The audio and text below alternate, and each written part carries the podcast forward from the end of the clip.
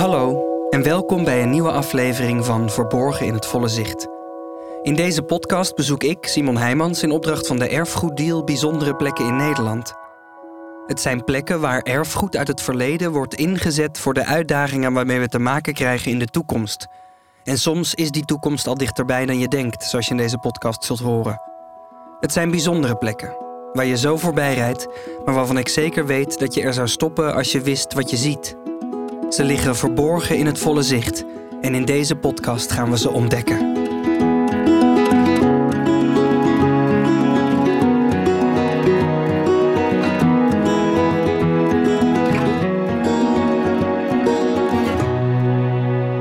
In deze aflevering kijken we naar het project Buurtbakens in Haarlem. En over dit project heb ik gebeld met Marie-Helene van het programmabureau van de Erfgoeddeal. In het project Buurtbakens wordt gezocht naar een nieuwe manier om kerkgebouwen in te gaan zetten. Een project van de gemeente Haarlem, waarin zij eens gaan kijken naar het problematiek van het steeds meer leegkomen staan van kerken, het verduurzamen van kerkgebouwen en het gaan kijken als je te maken hebt met stedelijke groei, waarin ook belangrijk is dat er maatschappelijke voorzieningen zijn voor de wijk, dat je die ook echt in de wijk kan plaatsen. De kerken hebben al jaren te maken met leegloop, terwijl er in wijken ook vaak moet worden gezocht naar schaarse ruimte om maatschappelijke voorzieningen zoals een huisarts of een buurthuis kwijt te kunnen. En uh, dat komt eigenlijk allemaal samen in buurtbakens. Die leegloop van de kerken is al jaren gaande, maar de laatste tijd is het nog meer in een stroomversnelling geraakt. En corona heeft dat eigenlijk ook nog meer versterkt. En daardoor is het ook eigenlijk niet meer haalbaar dat elke kerk binnen een gemeente nog voldoende mensen heeft om zo'n heel kerkgebouw te onderhouden en uh, hun functies daarin uit te oefenen. Het wordt steeds moeilijker om de rekeningen te betalen, zeker nu de energieprijzen zo oplopen. En ook om de vaak monumentale gebouwen te blijven onderhouden. Daarnaast is het dan ook nog eens jammer dat deze gebouwen vaak de hele week leeg staan en alleen op zondag geopend zijn. Kerken brengen toch altijd een gevoel mee in de wijk. Mensen die worden er gedood en met de rouwen dan komt dat natuurlijk ook vaak weer terug. En het is wel mooi vaak dat je met een maatschappelijke voorziening dat het ook veel vaker openbaar blijft. Dus dat ook veel meer mensen ook nog gewoon die kerk van binnen kunnen zien. Voor deze uitdagingen is er nog geen eenduidige oplossing. In het erfgoeddeelproject wordt dus eerst een onderzoek verricht naar zeven kerken nou, hoe het ervoor staat, hoe het daarmee is. En vanuit die zeven kerken wordt dus weer een verder onderzoek gemaakt uh, naar vier kerken. In wat voor vorm ze getransformeerd zouden kunnen gaan worden. En daar wordt dus ook bij gekeken uh, naar maatschappelijke voorzieningen. Dit project is begonnen vanuit de overkoepelende kerkorganisaties in Haarlem. En later is daar ook onder andere de gemeente Haarlem bij aangehaakt. De gemeente was al in gesprek met kerken tijdens het gezamenlijk opstellen van een kerkenvisie. En in het project Buurtbakens geven ze daar nu samen een vervolg aan. Dat klinkt nog wat algemeen, dus laat ik eerst eens gaan kijken in een van die kerken om een indruk te krijgen van hoe het ervoor staat. Ik bezoek de Heilige Anna en Maria Kathedraal. De Oud-Katholieke Kathedraal van de Heilige Anna en Maria. In Haarlem natuurlijk. Ik word ontvangen door Thomas Ras. Ik ben uh, hoofdconducteur voor de Nederlandse Spoorwegen op de ICE. En daarnaast werk ik uh, voor mijn eigen bedrijf. Ik heb een webshop in tweedehands dvd's. Ja, maar dat is natuurlijk niet waarover ik Thomas kon spreken. Thomas zit in het bestuur van de Heilige Anna en Maria Kathedraal en is er ook lector. En een lector dat is iemand die de pastoor kan assisteren. Ik zou bijvoorbeeld uh, catechese mogen geven. maar afgelopen zondag was onze pastoor ziek en dan mag ik hem vervangen in een dienst. Thomas leidt me om te beginnen rond door deze prachtige kerk, waar ik trouwens eerst, toepasselijk voor deze podcast, echt voorbij reed, omdat het gebouw helemaal opgaat in het huizenblok waar het een onderdeel van is. Ja, het is echt, uh, het is met de huizen eromheen is hij gebouwd. Dus je ziet ook dat het blok waar, waar, wij op zitten, dat het één stijl is, dus met de kerk samen. Ja, het is het huis van God, hè, de kerk. Dus het hoeft ook niet een massief gebouw te zijn op een, op een plein. Het mag juist onderdeel zijn van de buurt. Van binnen is het een aangename en intieme kerk met een prachtig houten plafond. Sober ingericht met weinig heilige beelden. En uh, ja, twee mozaïeken van de heilige Anna en Maria en eentje van Maria met Jezus. We zijn natuurlijk de kathedraal van de heilige Anna en Maria. En dat hebben we niet gedaan omdat het gemakkelijk is van oh, moeder en dochter gelijk samen. Maar we hadden twee schuilkerken in Haarlem. De heilige Anna en de heilige Maria. En daarom zijn we de heilige Anna en Maria. En daarom ook van beide een afbeelding in de kerk. Op het eerste gezicht is dit een hele gewone kerk. Er is een preekstoel. Die komt nog uit de oude schuilkerk van ons. En daar zien we allemaal heilig op afgebeeld. En een orgel. Het orgel is het meest bijzondere wat we in onze kerk hebben staan. Het is een, uh, het is een antiek orgel. Daar, het orgel zelf is een rijksmonument. Hij heeft, uh, is in 1973 hier gekomen. Ja, de organisten die horen dat ze hier mogen spelen, die, die smullen ervan. Het is, het is een heel bijzonder orgel. Op het eerste gezicht is hier dus niks bijzonders aan de hand. Maar ook hier brengt de moderne tijd steeds nieuwe uitdagingen met zich mee. En om het daarover te hebben gaan we in een zijruimte zitten van de grote kerkzaal. Daar galmt het wat minder. Als even voor het licht aanspringt. Voor Thomas is deze oud-katholieke kerk een groot onderdeel van zijn dagelijks leven. Op zondag hebben we hier dienst, dan ben ik hier sowieso. Maar ja, daarnaast, uh, ik ben hier nu vandaag met jou. Gisteren was ik hier nog. Ik heb vanavond hier weer een vergadering. Ik ben kerkbestuurslid, dus je hebt, je hebt gewoon allerlei taken. En daardoor ben ik ook wel door de week te vinden. Trouwens, deze stroming binnen de katholieke kerk heet dan wel oud-katholiek omdat deze ontstond uit een splitsing in de kerk in 1723 na een conflict met de paus. Maar dat wil niet zeggen dat dit ook de meest ouderwetse stroming is binnen het katholicisme. Als je kijkt naar hoe wij ons geloof beleven, zou je eigenlijk ons nieuw-katholieken of modern-katholieken moeten noemen. Waar het oud-katholiek verwijst dat wij teruggaan naar de kerk van de eerste eeuwen. En die kerk die was niet vast voor veranderingen, die stond juist open voor veranderingen. Die was zichzelf aan het ontdekken. Dus onze bisschoppen worden nog steeds gekozen. Wij wijden ook vrouwen in het ambt. Dus die kunnen diaken, priester of bisschop worden. En uh, wat ook best modern is voor ons, is dat wij al meer dan twintig jaar homohuwelijken inzegenen. En wij hebben hier in de progie bijvoorbeeld iemand die in een transitie zit, een transgender. En die hebben ook een zalving gegeven voor kracht om die transitie door te komen. Dus ik denk dat wij een hele moderne kerk zijn hier. Van Thomas kan ik uit eerste hand horen wat in de praktijk nou de gevolgen zijn van die algemene termen als leegloop van de kerken. Thomas is in het kerkbestuur namelijk de penningmeester. we halen onze inkomsten natuurlijk uit kerkbalans. Dus de, de jaarlijkse bijdrage die meesten doen of die het maandelijks doen. Daarnaast hebben we de collectors op zondag. Als de groep trouwe kerkbezoekers dus steeds kleiner wordt, worden ook de inkomsten steeds minder. Maar de kerk doet wel al haar best om daarop in te spelen.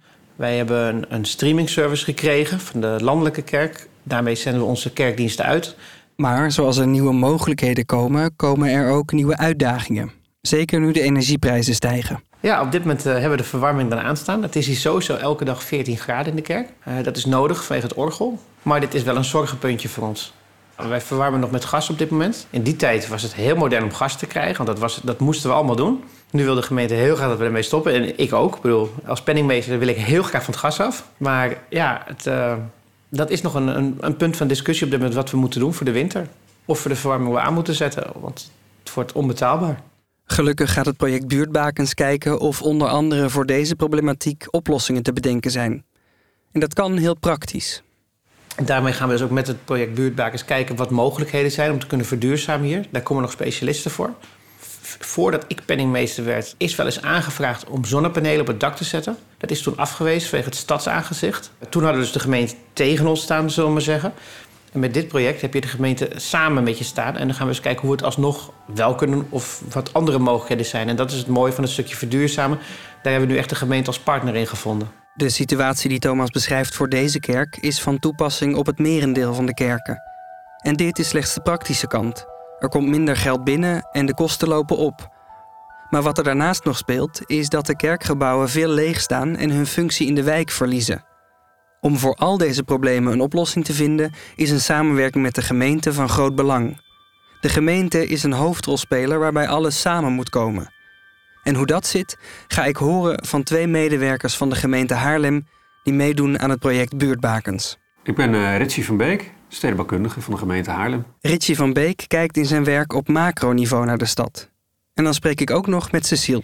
Ik ben Cecile Niest. Ik werk bij gemeente Haarlem, uh, team erfgoed. En ik hou me bezig met kerken en met het verduurzamen van monumenten. Zometeen ga ik het met Cecile hebben over de praktische kant van de uitvoering van dit project. Maar we gaan eerst even terug naar Ritchie. Want voordat deze kerken nu weer een eikpunt in de wijk kunnen worden, een buurtbaken, moeten we kijken naar hoe de functie van de kerken door de eeuwen heen veranderd is. Het gaat niet alleen om het gebouw, maar ook over de plek van het gebouw in de stad. En wat uh, het gebouw zou kunnen doen in de buurt, of misschien zelfs wel in de stad, hangt er vanaf. En wat je ook ziet is dat sommige, sommige kerken eigenlijk wat, veel minder zijn gaan doen met hun directe omgeving. Vroeger had iedere wijk had zijn eigen kerk. En tegenwoordig heb je ook regionale kerken. Hè? kerken die op, uh, bijvoorbeeld op bedrijventerreinen zitten of langs snelwegen. Want dan zijn ze heel goed bereikbaar voor mensen die 100 kilometer verderop uh, wonen. En daarmee is de sociale functie binnen de wijk ook veranderd of zelfs weggevallen. Dus het was een, uh, ja, toch een gebouw waar heel veel mensen ook hun uh, sociale leven voor een deel doorbrachten. En hun netwerk opdeden en daarmee ook de buurt sterk maakten. Voor Ricci, als stedenbouwkundige van de gemeente, is het interessant om te kijken hoe die kerkgebouwen nu weer een functie kunnen krijgen. Want Haarlem is erg in trek op dit moment. En dat betekent dat er nu moet worden nagedacht over hoe Haarlem Haarlem wil vormgeven. En wat ook heel prettig is aan Haarlem is dat we heel veel vooroorlogsgebouwen hebben. Dat zegt wel iets over de stad. En niet alleen maar omdat het dan nou schattig of leuk of herkenbaar uitziet. Maar het betekent bijvoorbeeld ook dat in die oude structuren nog allerlei functies zitten. Die in nieuwbouwwijken van, van tegenwoordig is het vaak heel lastig. Het gaat vaak alleen maar om, uh, om het stampen van nieuwe woningen, zeg maar. En met een winkelcentrumpje. Maar in, in Haarlem heb je nog heel veel wijken waar op een hoekje dan een, uh, een winkeltje zit. Of, of, een kapper, dat soort dingen. En het zijn vaak die kleine dingen die een stad eigenlijk echt, echt leuk maken. Nu is aan Ricci de taak om te zorgen dat de stad dat karakter blijft behouden, terwijl er soms ook ruimte gemaakt zal moeten worden. Mijn rol is om, uh, om eigenlijk verder te kijken dan het gebouw zelf. Je zou een hele enge zin zou je kunnen zeggen, nou, het gaat erom uh, bijvoorbeeld het, het, gebouw het kunnen behouden voor de stad. Uh, dan gaat, gaat, het soms bijna om financiële zaken. Hè. er komt huur binnen. Maar ja, goed, ja, het kan natuurlijk zoveel meer zijn. Hè. Je, je, kunt bijvoorbeeld kritisch zijn op de partijen die daar binnenkomen. En, en ook in die zin dat, dat je nog gaat kijken wat die bijvoorbeeld ook buiten de deur zouden kunnen doen. Heel veel kerken die zitten op zich, zeker de oude kerk, op hele interessante plekken. Buurtpleintjes, soms zelfs het hart van een buurt. Nu staan kerkgebouwen vaak de hele week leeg. Behalve voor die ene dienst op zondag. Dat zijn heel wat ongebruikte vierkante meters stad. Die ontoegankelijk zijn voor al die mensen die zich in Haarlem willen vestigen maar zich er ook prettig willen voelen. Ritchie legt het uit aan de hand van een handige tool in zijn vakgebied, de Nolly-kaart. Een van die tools is dat je, dat je eigenlijk een kaart maakt, een heel simpele kaart. Alles wat openbaar is, dat maak je wit. Alles wat niet openbaar is, dat maak je zwart. En dan kom je in heel veel gevallen uit op een gebouw, dat is zwart, en een straat, die is wit. Nou is er heel lang geleden door iemand met de naam Nolly zo'n soort kaart gemaakt. En wat heeft hij nou gedaan? Hij heeft gezegd, ja, die kerken zijn eigenlijk openbaar. Dus al die kerkruimten, die waren wit. En als je dat doet, krijg je een heel ander soort kaart. Want dan zie je ineens dat je een soort, nou, je zou kunnen zeggen, overdekte pleinen hebt uh, in die kerken. Uh, dus bijvoorbeeld onze grote markt, dat is wit. Hè? En alle gebouwen die daar omheen staan, zou je verwachten dat ze zwart zijn. Maar op het moment dat je die openbare ruimte in, uh, in die gebouwen wit maakt, ja, dan wordt ineens je grote markt twee keer zo groot. Dat, dat vind ik wel interessant. En zo beschouw ik zeg maar, uh, ook een beetje de potentie van de kerken. Dus laten we die kerk wat meer openbaar krijgen in die zin. Als je het zo bekijkt, zouden dus juist die grote kerkgebouwen weer een belangrijke rol kunnen gaan spelen. Dit soort gekke gebouwen bijna, hè, want ze zijn groot, het zijn hoge gebouwen, het zijn... Uh, aan de ene kant zou je kunnen zeggen het zijn minder efficiënte gebouwen daardoor, maar aan de andere kant hebben ze ook weer een enorme kans, omdat ze juist iets anders bieden dan de huiskamer van een woning, zeg maar. Hè dat vind ik interessant, met name om te verkennen zeg maar, hoe ze misschien die rol opnieuw zouden kunnen uitvinden. Zich veel meer hè, met open deur op die buurt zouden kunnen richten. Los van het verhaal dat bijvoorbeeld op een gegeven moment huur uh, moet worden betaald. Nadenken over mogelijke nieuwe gedeelde functies van het gebouw, op de momenten dat nu vaak de deuren gesloten zijn, maakt dat de stad weer zal kunnen ademen. En het kan voor de kerkgemeenschappen ook wat opleveren. Ze kunnen daaruit een deel van hun inkomsten gaan verkrijgen. En zo denkt Ricci niet alleen na over de gebouwen, maar ook over de pleinen daaromheen. Bij uitstek zouden die pleinen met die kerken daaraan uh, plekken kunnen zijn waar mensen zich met elkaar verbinden. er was een tijd dat het plein wel degelijk werd gebruikt door de kerk, maar dat was dan voor parkeerplaatsen. Ja, daar moeten we denk ik een beetje vanaf. Maar waarom maak je daar niet een heel interessant plein van, uh, waar bijvoorbeeld nou, misschien wel gerechten uh, twee keer in de maand worden geserveerd en lange tafels die binnen worden bereid vanuit een, een karakter van een organisatie die daar normaal ook de huur betaalt en dat soort dingen. Door op die manier na te denken over de functie van een kerk binnen een bepaalde wijk, wordt de sociale cohesie ermee weer vergroot. Maar er wordt ook gezorgd dat de kerk andere bronnen van inkomsten kan krijgen, waarmee uiteindelijk dan het gebouw en de sfeer van de stad behouden kunnen blijven. Wat er dan voor nieuwe functies kunnen worden toegevoegd aan het gebruik van de kerkgebouwen, ga ik horen van Cecile Niest van de erfgoedafdeling van de gemeente.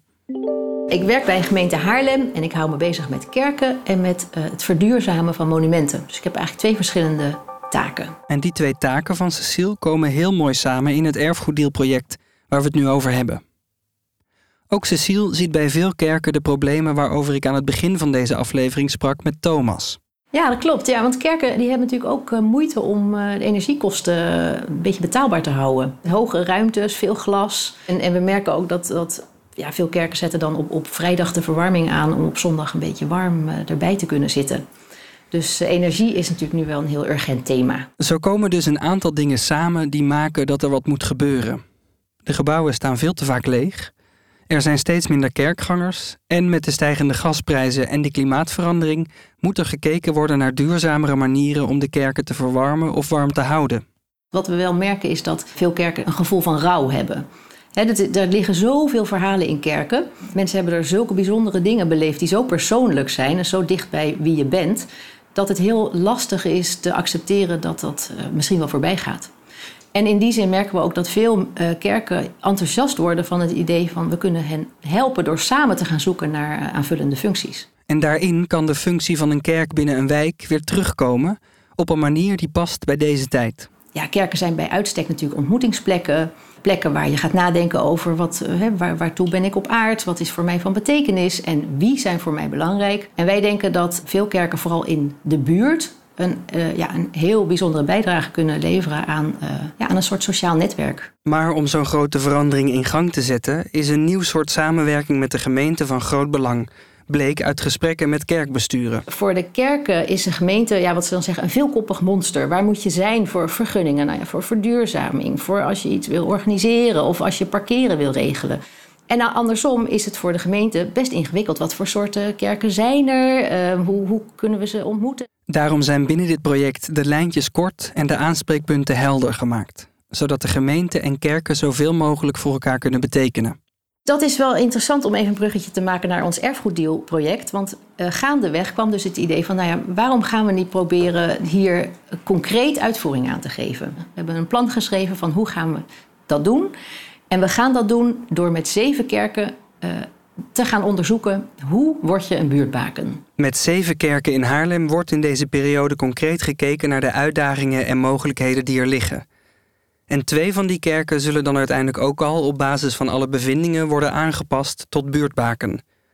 En wat dat nou echt precies is, een buurtbaken, wordt ook duidelijk door gewoon aan de slag te gaan. Wat mij betreft is een buurtbaken een herkenbare plek waar je welkom bent, waar je mensen kan ontmoeten die je anders niet ontmoet en waar ja, dingen worden georganiseerd of aangeboden waar je iets positiefs uit kan putten. Dit zou in de toekomst kunnen gebeuren door in kerkgebouwen bijvoorbeeld een bloedprikpost onder te brengen, concerten te laten plaatsvinden en gemeenschapsplekken in te richten waar alle buurtbewoners welkom zijn. En um, verder zou het heel mooi zijn als het plekken zijn waar zorg en welzijn worden gecombineerd. Zo worden de kerken weer een plek waar elke dag de deur open staat, waar je welkom bent en waar je kunt komen om je beter te voelen. Precies zoals vroeger de bedoeling was. Hoewel het toen altijd een religieus karakter had, is dat vandaag de dag niet meer het geval. Naast de functie die het gebouw blijft uitoefenen als kerk, komt er ook een niet-religieuze functie bij. Het een sluit het ander dus niet uit. Het is niet zo dat als je meedoet aan een activiteit in een buurtbaken of je komt op spreekuur of wat ook, dat je dan iets met um, de kerk moet, zal ik maar zeggen. Zo wordt in Haarlem de komende tijd gekeken hoe de kerken iets van hun sociale, open functie in de stad terug kunnen krijgen, op een manier die past in onze samenleving van vandaag de dag. Dat is fijn voor de Haarlemmers en tegelijkertijd wordt het daarmee mogelijk gemaakt dat de kerken een stap kunnen zetten in het verduurzamen van de gebouwen en hun voortbestaan weer gegarandeerd kan worden voor de komende tijd. Je luisterde naar Verborgen in het volle zicht, een podcast van Simon Heijmans in opdracht van de Erfgoeddeal. Muziek in deze podcast is van Amir Vahidi. De audiomix wordt gedaan door Sam Huisman. Productie en aanvullende montage is in handen van Bengt Kropmans. Wil je meer weten over wat de Erfgoeddeal doet? Kijk dan op www.erfgoeddeal.nl.